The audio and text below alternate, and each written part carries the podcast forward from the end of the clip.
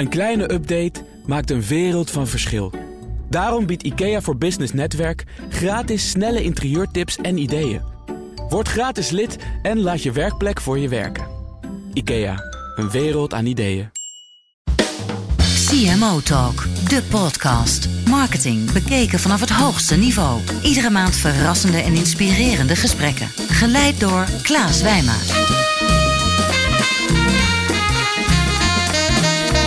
Welkom bij CMO Talk. Ik ben Klaas Wijma van Energize en mijn gast vandaag is Marieke van Balen. Marieke is marketing director Benelux bij PepsiCo. En in het interview gaan we met name in hoe je als internationale fast mover ook lokaal in Nederland het verschil maakt. En ja, hoe Marieke als moeder deze ja, topjob combineert met een druk gezinsleven, ben ik eigenlijk ook wel benieuwd naar. Marieke, hartelijk dank voor je komst. En hoe gaat het met je? Het gaat goed, Klaas, dankjewel. CMO Talk, aangeboden door Tijdschrift voor Marketing. Discussieer mee op hashtag CMO Talk. Als je het hebt over PepsiCo, natuurlijk een grote bekende fast mover, internationaal. Stocklisted in, uh, in New York. Maar ook in Nederland voeren jullie uh, tien verschillende merken, waaronder snackmerken, Lees, Miss, Duivis, daar kent iedereen jullie van. Ja. Maar ook merken natuurlijk als Pepsi en 7-Up. Maar hoe zorg je nou voor dat je met al die brands, dat niet de ene claim in de weg gaat zitten van de andere? Ja, wij voeren inderdaad heel veel verschillende merken, dat klopt. En uh, ook vaak verschillende categorieën. Mm -hmm. uh, wat je wel ziet is dat uh, merken die in dezelfde categorie opereren, dat we daar echt heel bewust keuzes maken, dat we een unieke positionering hebben. En ook echt goed kijken welke doelgroep we daarmee targeten. Zodat we ook echt toegevoegde waarde bieden. Dus dat we ook wel echt binnen bijvoorbeeld het snacksegment kijken. Oké, okay, wat is de rol van een Lees? Wat is de Precies. rol van een Doritos? Dus daar maken we bewuste keuzes in. Ja, want een Lees en een Smith, dat ligt natuurlijk ja, gewoon even en en het ligt heel erg dicht in elkaars dat verlengde. Klopt, dat klopt. En is dat ook niet verwarrend dan voor de consument? Ik denk zolang je echt een hele duidelijke brand purpose hebt en een duidelijke strategie, dat dat niet verwarrend hoeft te zijn. En het voorbeeld wat ik net gaf, als je kijkt naar Lees, het is natuurlijk een merk wat echt aansprekend is voor een hele brede doelgroep. Mm. Waarbij Doritos een hele andere positionering hebben en ons veel meer op jongeren richten. Dus je hebt ook echt te maken met een andere doelgroep en een andere gebruikersgroep. Dus ik denk dat dat niet per se verwarrend hoeft te zijn. Maar het betekent wel dat wij heel scherp moeten zien uh, ja, waar we ons uh, op richten. En, en ook hoe we dat onderscheidend uh, in de markt zetten. Ja, nou, ik gaf net al in de introductie aan dat PepsiCo onderdeel uitmaakt van een internationale organisatie, PepsiCo Europe. Europe weer onderdeel van het grote Amerikaanse PepsiCo. Ja, ik kan me voorstellen dat in zo'n groot internationaal mijnenveld het nog wel eens lastig is om echt ook lokaal je eigen marketingstempel te drukken. Loop je daar tegenaan? Ja, dat is wel een interessante vraag. Want van origine is PepsiCo juist een bedrijf wat heel erg gericht is op, op lokaal ondernemerschap. En juist mm -hmm. bieden van vrijheid uh, aan mensen. Uh, dat maakt het natuurlijk heel interessant om ook te werken binnen een bedrijf als PepsiCo. Maar je ziet natuurlijk dat wij net als heel veel andere fast movers wel een ontwikkeling doormaken. Toch naar meer global en ook Europese aansturing. En dat is natuurlijk omwille van efficiency. Ja. Wat het voordeel is, is dat wij dus echt grote innovaties, grote campagne, big ideas, dat wij die over kunnen nemen. Uh, en dat wij die dus in onze landen, in de Benelux, kunnen implementeren. Mm -hmm. En dat we daarbij heel veel energie kunnen stoppen in hoe maken we dat nou lokaal zo relevant mogelijk. En echt eigenlijk de perfecte executie van uh, zo'n innovatie of, ja. een, of een uh, campagne. En dat maakt het juist ook heel interessant voor ons als uh, marketeer. We hebben daar ook verschillende voorbeelden van. Ik denk dat iedereen leest, maakt de smaak kent. Ja. Dat is in feite ook een internationaal uh, concept. Uh, maar dat maakt het nog steeds wel een grote uitdaging om dat lokaal zo groot mogelijk en zo succesvol mogelijk neer te zetten. Ja. En ook bijvoorbeeld dit weekend hebben we Mountain Dew, waren we op de Uitmarkt in Amsterdam, een groot skate-event. Ja, dat is inderdaad wel een global uh, program. Maar het is nog steeds fantastisch om zo'n event in de Benelux neer te kunnen zetten. Maar is het niet zo dat je dan vanuit internationaal een big ID krijgt aangeleverd. En oké, okay, je moet daarmee werken, dus ga het adopteren? Of heb je wel echt wel degelijk vrijheid om daar je eigen saus overheen te leggen? Uh, nou, dat ligt misschien ook wel aan het uh, merk. Dus ik denk niet wat je eerder aanhaalde. Wij voeren natuurlijk heel veel verschillende merken. Dus het ene merk biedt meer vrijheid dan het andere. Uh, maar er is zeker nog veel ruimte om dat. En ook zeker nu, hè, we gaan daar denk ik zo meteen ook nog wel iets over bespreken. Maar ook in het digital tijdperk. Natuurlijk, überhaupt hoe je daar uh, digital mee inzet, is natuurlijk iets wat we zeker lokaal moeten doen. Kijk nu al uit om uh, daarover door te gaan. Ik wil eigenlijk naar, nog een andere vraag. Nog even wat meer strategisch naar jullie beleid. Hè. Jullie ja. zijn voorvechter van ja, de slogan Performance with Purpose prachtige claim. Maar als ik dan toch wel weer even die marketingbril afzet en kijk naar de zoutjes en de ja, toch de wat suikerrijke drankjes. Hoe rijmen die met elkaar? Ja, wij zijn eigenlijk heel bewust bezig met onze portfolio. Dus uh, je haalt nu inderdaad de drankjes aan, de snacks. Maar we voeren ook uh, havermout in ons assortiment ja. onder het merk Kweker. Dat is natuurlijk een ontzettend gezond product. Ja. Wat je ziet is dat we binnen snacks echt enorm uh, voorvechter zijn van het verbeteren van onze producten. Daar lopen wij ook echt in voorop. We hebben, nou dat is echt al jaren geleden, hebben we uh, de zonnebloemolie. Uh, mm -hmm. hebben we, en bakken onze producten in zonnebloemolie. Dat maakt dat het een veel gezondere vetsamenstelling heeft. We ook het zoutgehalte met 25% verlaagd. We zijn ook bezig om bepaalde hulpstoffen uit onze producten te halen. Dus wat er niet in hoeft te zitten, dat halen we eruit. Daarnaast, hè, dat heb je het over het bestaande assortiment. Daarnaast hebben we ook innovaties. Denk aan een leesoven waar 70% minder vet in zit, maar ook een leespops. En dan haal ik nu alleen nog maar voorbeelden uit de snackscategorie ja. aan. Dat ja. gaat natuurlijk breder. Dus daar zijn we heel uh, actief in. En als je bijvoorbeeld weer kijkt naar de frisdranken, daar zie je dat sowieso het, het segment gewone cola's onder druk staat. En dat mm -hmm. het veel meer gaat uh, richting uh, ja, light cola's. En wij maken ook alleen nog reclame voor Pepsi Max. Okay. Dus dat is natuurlijk onze suikervrije variant. Ja. Dus daar ook worden bewust keuzes in gemaakt. Vanuit uh, dat beleid. Ja, en dat is ook wat de consument wil. Hè? Dus, dus natuurlijk, uh, uiteindelijk moet dat samenkomen. Dus dat ja. beleid, uh, dat is natuurlijk één ding. Maar het is ook wat wil de consument, wat wil de shopper. Ja. En hier komt dat eigenlijk perfect bij elkaar. Van praktische tips tot visie. Dit is CMO Talk. De eerste stelling. Ja. Uh, Price-offs zijn de aardsvijand van brand equity. Ja, ja, wat vind ik daarvan? Ja, ik ben erg benieuwd. ja, nou ja, ik denk dat het niet zo is. Ik denk wat je, wat je ziet is dat in heel veel categorieën de promotiedruk gewoon enorm hoog is geworden. Uh, vaak ook hoger dan de aankoopfrequentie. Um, ik denk wat wij proberen binnen PepsiCo voor al onze verschillende categorieën, is daar heel goed naar kijken. Dus wat moet je promotiedruk zijn, maar ook wat moet je promotiemechanisme zijn. En dat gaat in goed overleg tussen marketing en sales. Dus het kan perfect bij je doelstelling passen. Zoals bijvoorbeeld bij onze introductie van Lees Oven Crackers. Dat je echt denkt, oké, okay, ik wil penetratie hiermee bouwen. Hoe ga ik dat doen? Dan kan promotie een, een perfect mechanisme voor zijn. Je moet denk ik kijken in de hele path to purchase. Dus van consument naar shopper. Waar zijn de touchpoints? En daar speelt promotie is gewoon ook een belangrijk marketing tool. Een van de P's. Ja, dus daar moeten we, ik denk dat je daar een genuanceerde mening over moet hebben. Marieke, hoe winnen jullie de race om impuls aankopen? Zijn mensen uh, nou echt merktrouw? Of is het elke week weer opnieuw een uh, wedstrijd? Ja, wat je daar ziet is dat het wel uh, afhankelijk is van de categorie waarin je speelt. Als we kijken naar ontbijtgaan, is het veel meer geplande categorie. En daar spelen wij natuurlijk met ons kwekermerk. maar voor snacks is het zeker zo dat het natuurlijk een impulscategorie betreft. Dus daar is het gewoon heel belangrijk dat we in alle fases van die consumer shopper journey, dat we daar uh, nou ja, aanwezig zijn. En dat we uh, dus ook op de winkelvloer echt wel aandacht hebben voor point-of-sale materiaal, voor de juiste promoties. Dus dat is echt heel belangrijk. En daarbij zien we ook mogelijkheden voor mobile marketing. Dus we ook veel meer kijken, hè, waar is die consument en hoe kunnen we die dan om dat impulsmoment nog heen beïnvloeden. Maar heb je daar dan invloed op? Want ik, ja, je bent toch wel afhankelijk van uh, Albert Heijn en, en Plus en uh, nou, de, de, het supermarktkanaal. In hoeverre kan je dan met je eigen merk die aankoopbeslissing in-store echt beïnvloeden?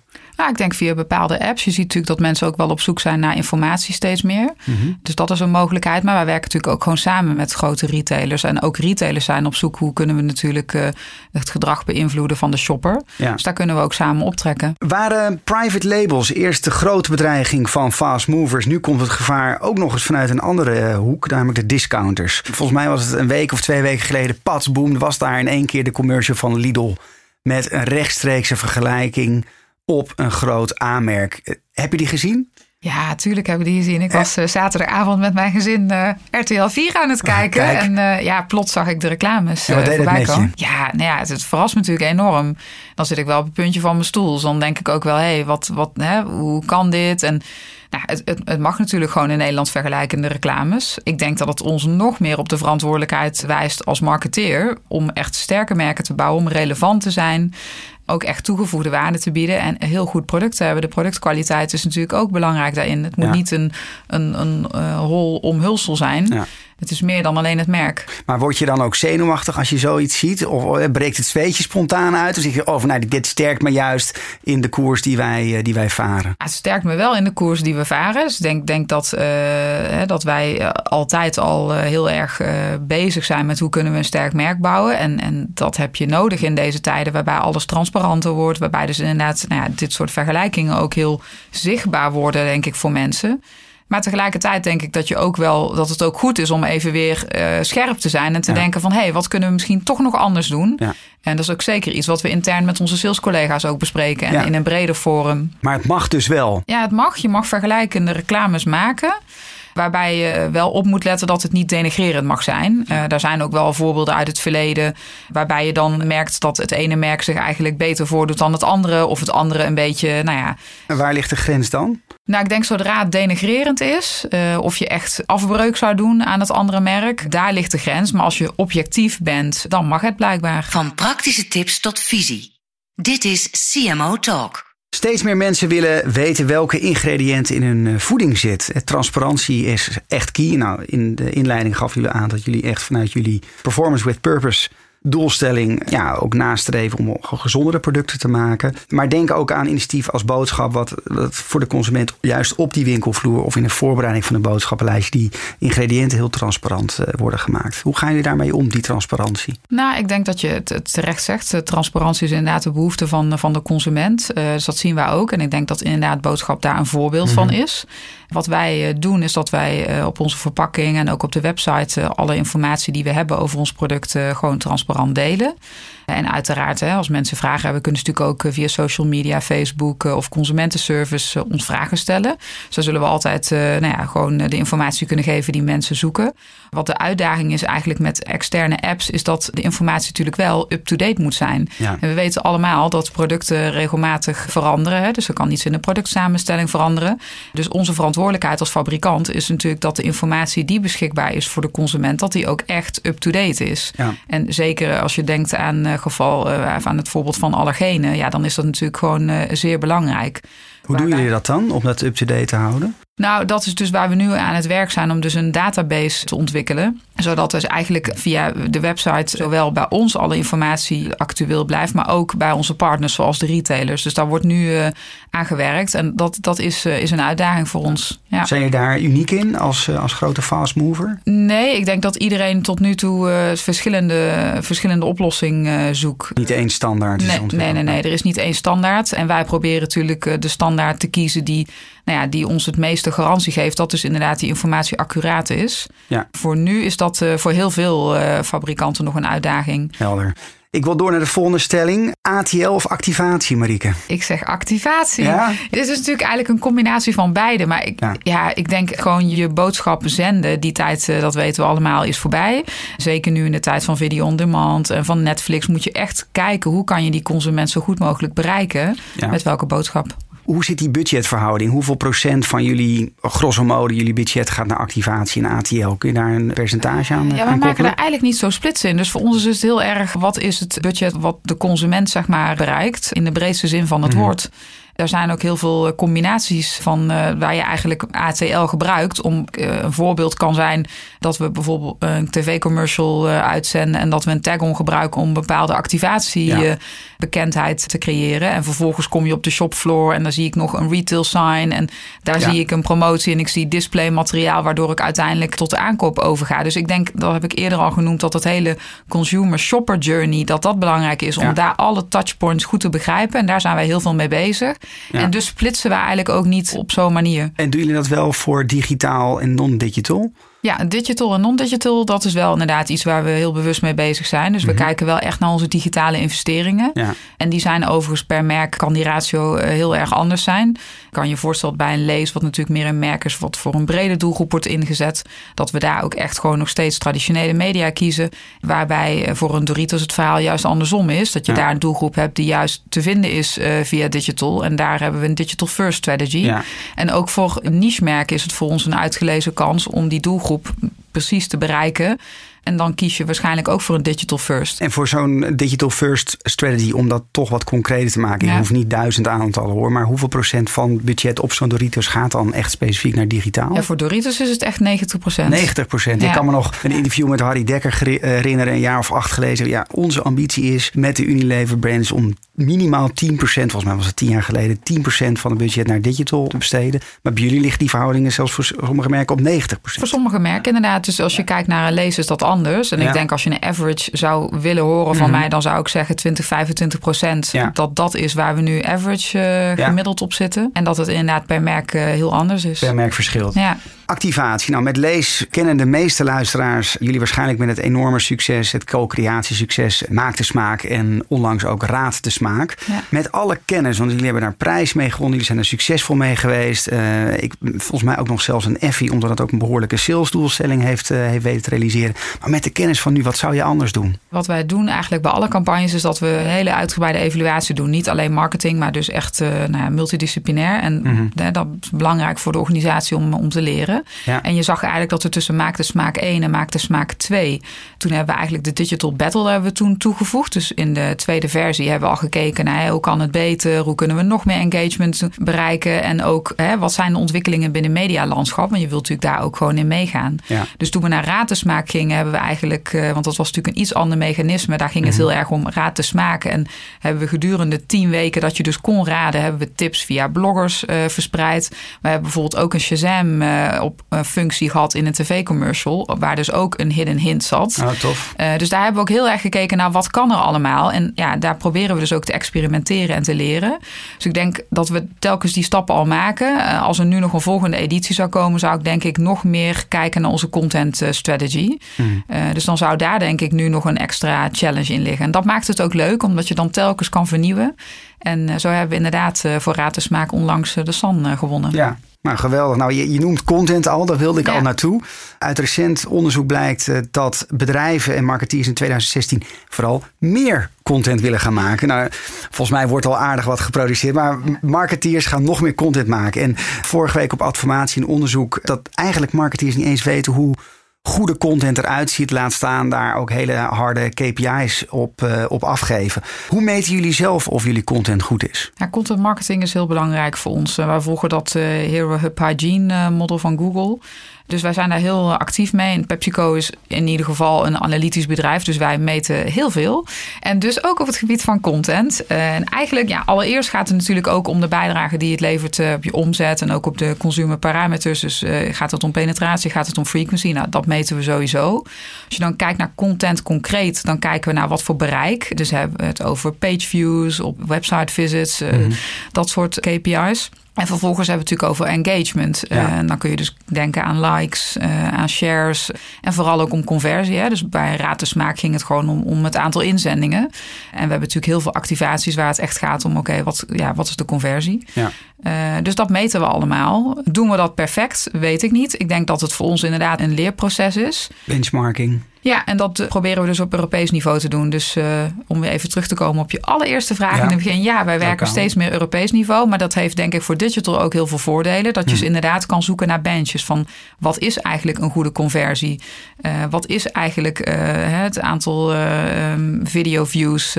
dus wa- waar je naar zou moeten streven. Dan maakt het natuurlijk ook nog uit of dat supported is door media, Media of, of niet. niet. Dus ik denk dat dat precies de dingen zijn waar wij enorm aan het leren zijn. Maar wij zetten er zeker KPI's op. Dus dat, dat doen we, ja. Naast content marketing is storytelling ook zo'n eh, heerlijk buzzword van dit moment. Nou ja, storytelling, ik geloof dat het al van alle jaren is.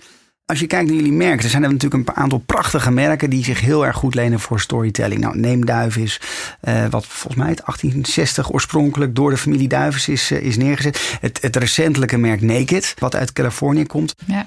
Ehm, wat doen jullie specifiek op dit gebied als je het hebt over storytelling? Het is inderdaad zo dat wij een aantal merken hebben in de portfolio die echt een heel rijke historie hebben. Ehm, die kun je gewoon natuurlijk, eh, daar kan je over lezen. Maar ik denk dat het belangrijker is dat we dat echt verankeren in onze brand purpose. Dus dat we weten Ja. waar komt dit merk vandaan, waar staat dit voor. En dat het eigenlijk richting geeft aan alles wat je doet en hoe je dat doet en wat voor boodschap je uitdraagt. Dus het gaat eigenlijk verder dan alleen de storytelling. Om het voorbeeld aan te halen wat je net vertelde van eh, Naked. Ja, dat is echt een, een, een, prachtig verhaal eigenlijk Ja. van een eh, jonge muzikant die dus in de keuken van zijn moeder verse fruit smoothies maakt en die dan op de stranden eh, Californië. ja, precies Ja. verkocht. Nou ja, zo is dat ontstaan. Dat is natuurlijk een fantastisch verhaal, maar het, het geeft ons ook richting over hoe je dat merk dus nu in de markt moet neerzetten, hoe de beleving omtrent dat merk moet zijn.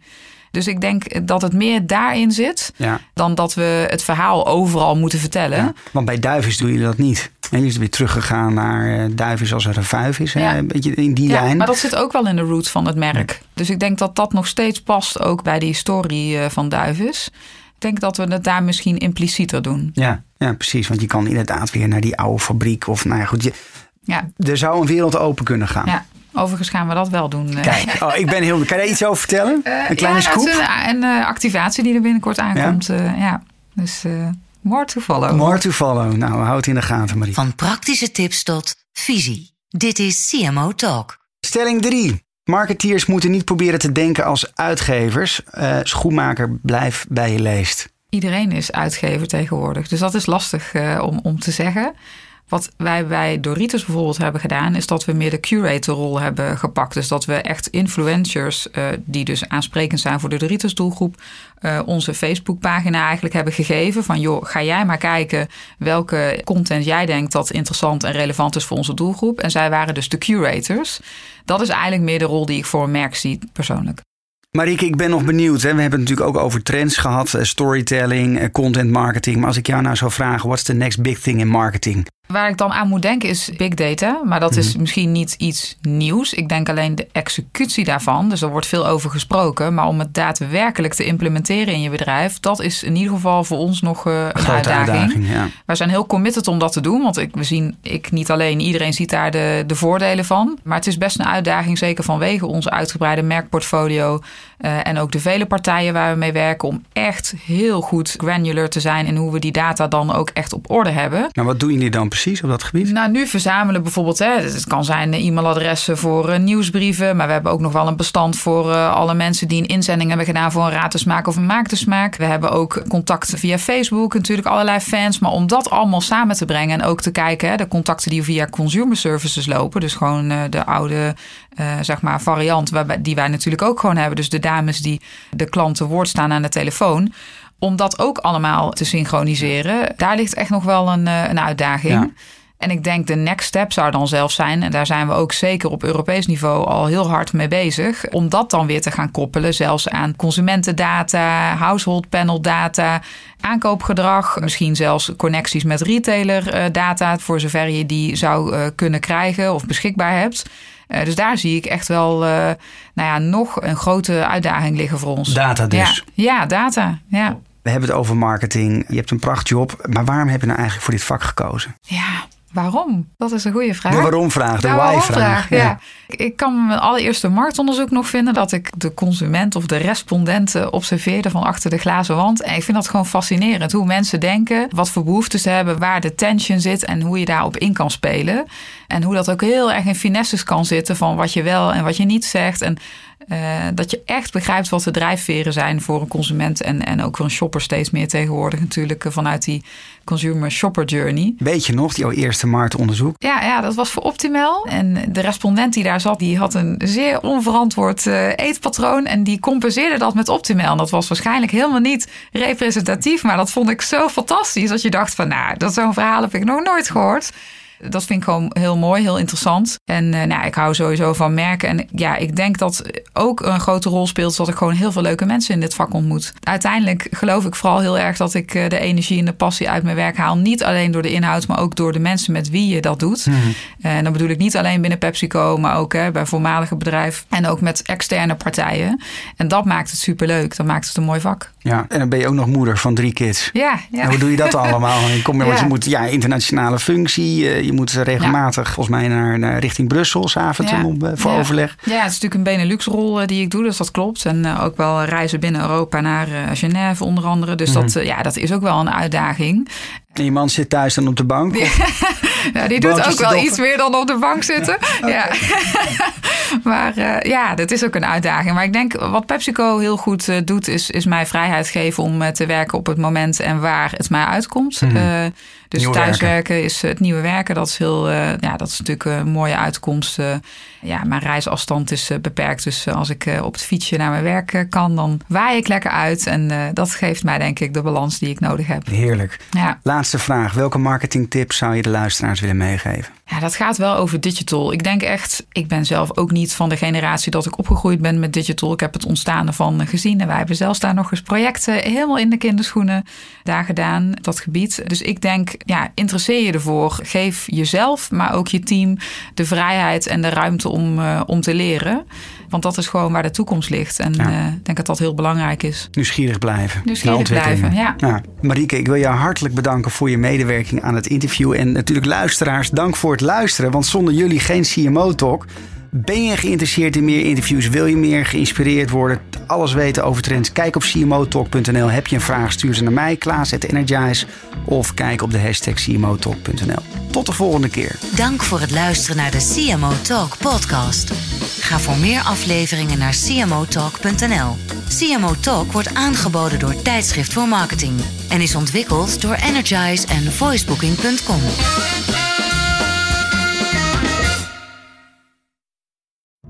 Als ondernemer hoef je niet te besparen op je werkplek. Want IKEA voor Business Netwerk biedt korting op verschillende IKEA-producten. Word gratis lid en laat je werkplek voor je werken. IKEA, een wereld aan ideeën.